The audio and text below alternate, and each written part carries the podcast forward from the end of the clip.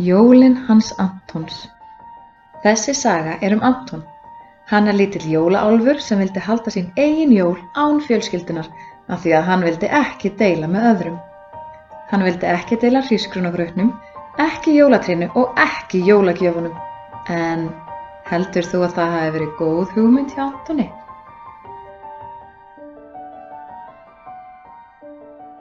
Fjórði desember Jólaálfa mamma á stóran svartan pott.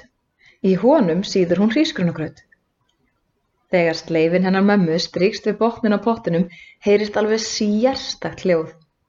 Anton þekkir þetta hljóð mjög vel og hann heyrir það jafnvel þó hann sé út til að leika sér.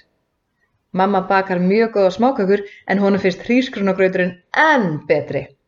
Anton flýtir sér inn, hann tekur af sér vettlingana og hendir úlpunni og treflunum frá sér og hleypur inn í eldhús. Hvenær verður grauturinn tilbúinn? spyr hann. Mamma hrærir enn einu sinni í pottunum. Já, ég held hann sé bara tilbúinn, segir hún. Anton flýtir sér að þvo sér um hendurnar áður en hann fær sér graut. En grísin hefur líka fundið ilminn af grautnum og stingur nú trínunu inn um eldhúsdyrnar. Nei, þessi grís er nú meiri frekjan, hugsar Anton og ítir rassinum í grísin til að reyna að reka hann burt frá pottunum. Hann blæs á heitan grautin og reynir að íta grísnum burt.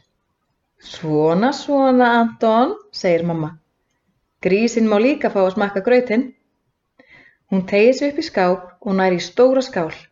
Hún setur stóran skamt af graut í skálina og setur á gólfið fyrir framann grísin. Ég hefði nú alveg getað borða líka það sem grísinn fékk, muldrar Anton.